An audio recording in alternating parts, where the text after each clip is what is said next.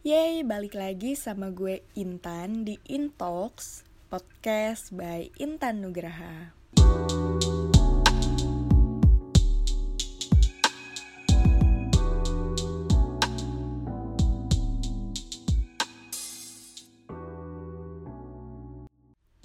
Sebelumnya gue nyoba ngasih challenge ke diri gue sendiri kalau gue harus bikin podcast setidaknya minimal banget itu satu kali dalam seminggu.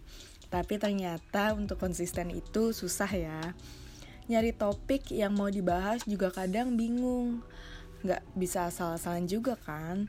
Sampai pada akhirnya kemarin gue minta tolong sama teman-teman gue di Instagram untuk kasih ide buat podcast gue dan ya sekarang gue mau bahas gimana gue bisa berdamai dengan masa lalu.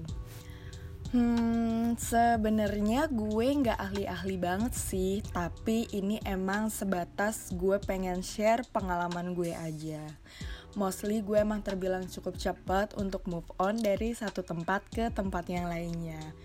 Banyak yang tanya juga gimana sih caranya kok gue bisa move on cepet banget gitu. Dan gimana juga caranya gue bisa berdamai dengan masa lalu gue. Gue akan share sedikit hal-hal sederhana yang gue lakuin. Tapi bukan berarti gue udah 100% berhasil ya. Gue tetap belajar juga sampai saat ini. Cuma hal-hal inilah yang bikin gue lebih mudah menjalani keseharian gue tanpa terbayang-bayang sama masa lalu gue. Yang pertama nih, pahami emosi lu dan luapkan. Terkadang hal yang bikin lu sedih setiap saat adalah karena lu lebih memilih memendam emosi lu. Memendam apa yang lagi lu, rasain padahal seharusnya ya luapin aja. Tapi lu harus paham dulu ya emosi lu sendiri. Apakah lu butuh nangis atau lu butuh cerita sama orang atau lu cuma pengen marah-marah aja. Kalau gue kesel sama orang di hari itu, gue selalu mencoba untuk menyisakan sedikit waktu gue sebelum tidur untuk meluapkan emosi gue. Dengan cara gue bayangin orangnya, gue bayangin kalau gue lagi marah-marah di depan dia untuk meluapkan kekesalan gue.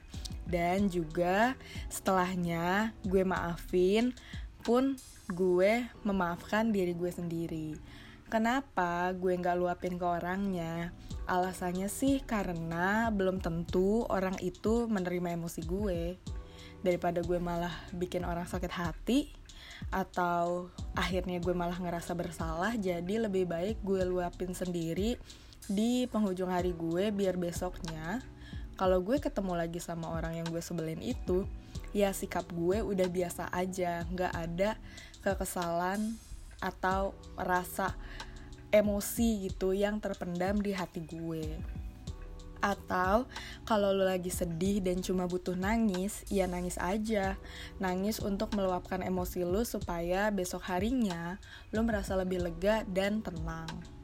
Karena percaya deh, Memendam emosi itu cuma bikin hidup lu terasa berat dari hari ke hari. Selanjutnya adalah memaafkan diri sendiri dan minta maaf ke orang lain. Kenapa yang gue sebut di awal adalah memaafkan diri sendiri? Ya karena setiap manusia kan punya kesalahan dan kekurangan. Gitu juga dengan diri lu sendiri apa pun kesalahan yang lu perbuat di masa lalu pasti mendatangkan penyesalan di saat ini ataupun ya dia yang akan datang gitu supaya nggak terus-terusan mengutuk diri cobalah memaafkan diri lu sendiri tujuannya adalah untuk ketenangan jiwa lu dan kebahagiaan lu di masa yang akan datang setelah itu, jangan lupa juga untuk minta maaf ke orang lain. Walaupun lu nggak merasa salah, minta maaf sama orang lain itu tujuannya adalah untuk berdamai dengan diri lu sendiri. Jangan malah gengsi karena lu merasa gak salah. Minta maaf sama orang lain itu seharusnya lu jadikan pilihan karena lu menyayangi diri lu sendiri. Lu merasa diri lu itu worth it mendapatkan hal-hal yang indah, mendapatkan kebahagiaan dan ketenangan.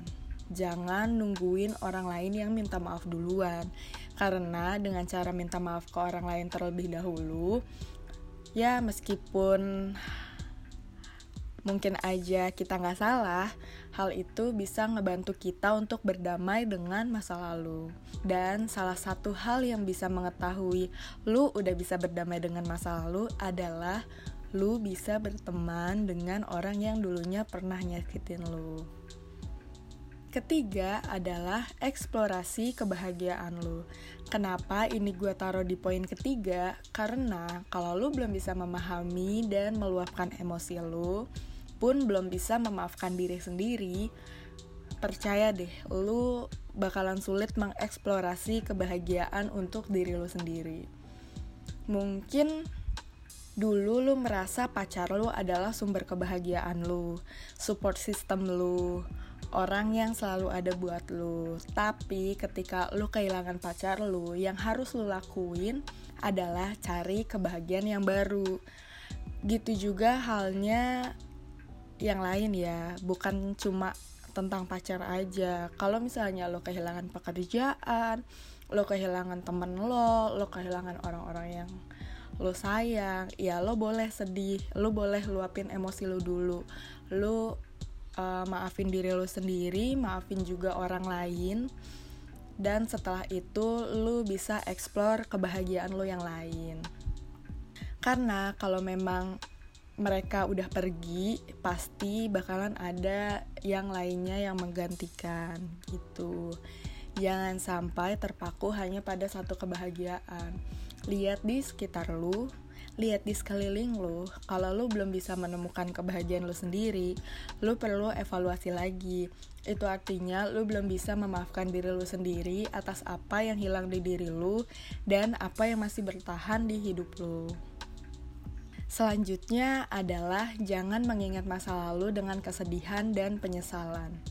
Semua yang udah terjadi, baiknya ya lo ikhlasin aja dan lo jadiin pelajaran part ini terkesan paling klise dan gampang banget buat diucapin. Tapi aktualisasinya ya susah.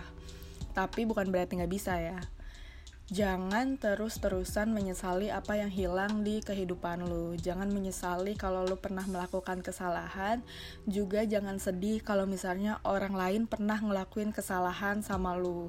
Dan terus mengutuk diri hidup itu lebih mudah kalau kita bisa merelakan masa lalu kita yang buruk dengan membuatnya tidak terjadi lagi di masa depan, alias belajar dari kesalahan.